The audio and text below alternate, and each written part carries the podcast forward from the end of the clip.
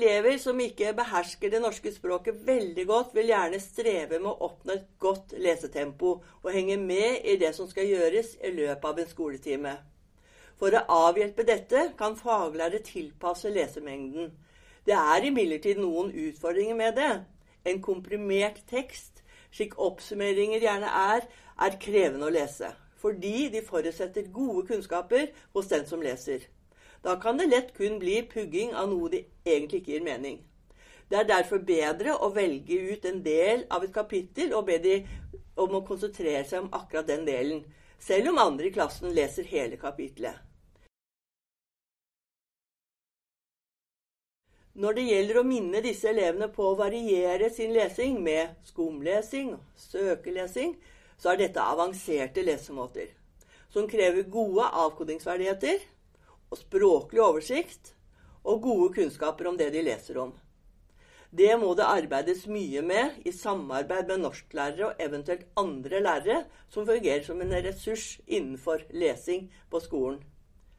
Det er viktig at elevene behersker variert lesing, men det vil ta tid for nyankomne elever å klare å få til det.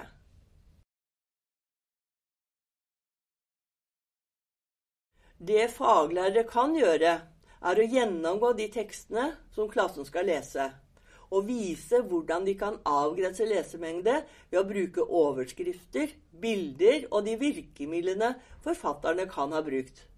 Da er det ikke sikkert at de må lese alt hele tiden, men heller hente ut informasjon som ligger omkring selve teksten.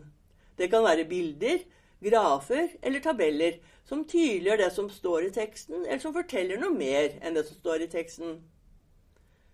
Fagtekster som er nettbaserte, har gjerne også linker til filmer som kan gi mye informasjon og læring.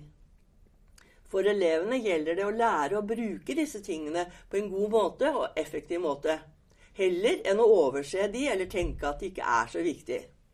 Alt som finnes på en side i boka, er viktig å bruke. Lesehjelpemiddel må brukes der det er mulig og funksjonelt.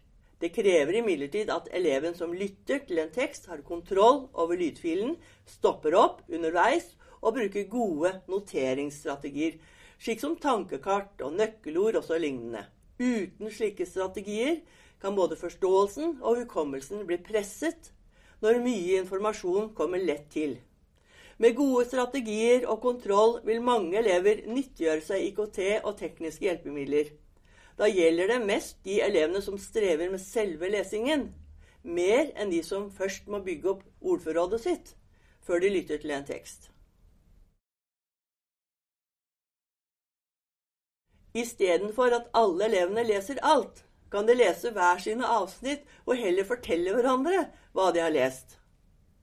Innenfor samarbeidslæring finnes det gode teknikker for hvordan det kan gjøres. Da kan elevene lære av hverandre like mye som å lese alt selv. Når tekster og lesing er krevende, er nettopp det å drøfte med medelevene være nyttig for å lære best mulig.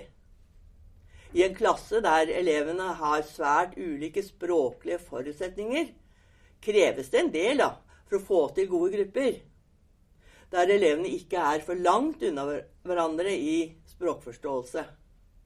Er forskjellen mellom elevene for stor, vil gruppedynamikken bli vanskelig. Men ikke alltid.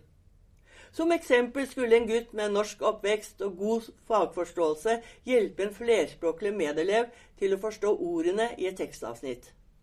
Jeg spurte han om det, eh, om han kunne sjekke hvordan det gikk etterpå. Hans umiddelbare kommentar da var 'Så mye har jeg aldri lært før'.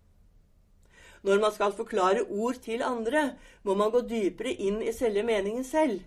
Og da også fagets struktur og innhold. En dypere læring blir mulig. Så lenge elevene får anledning til å tilbakemelde hvordan de opplever arbeidsmåte som brukes, gir samarbeidslæring mange gode muligheter.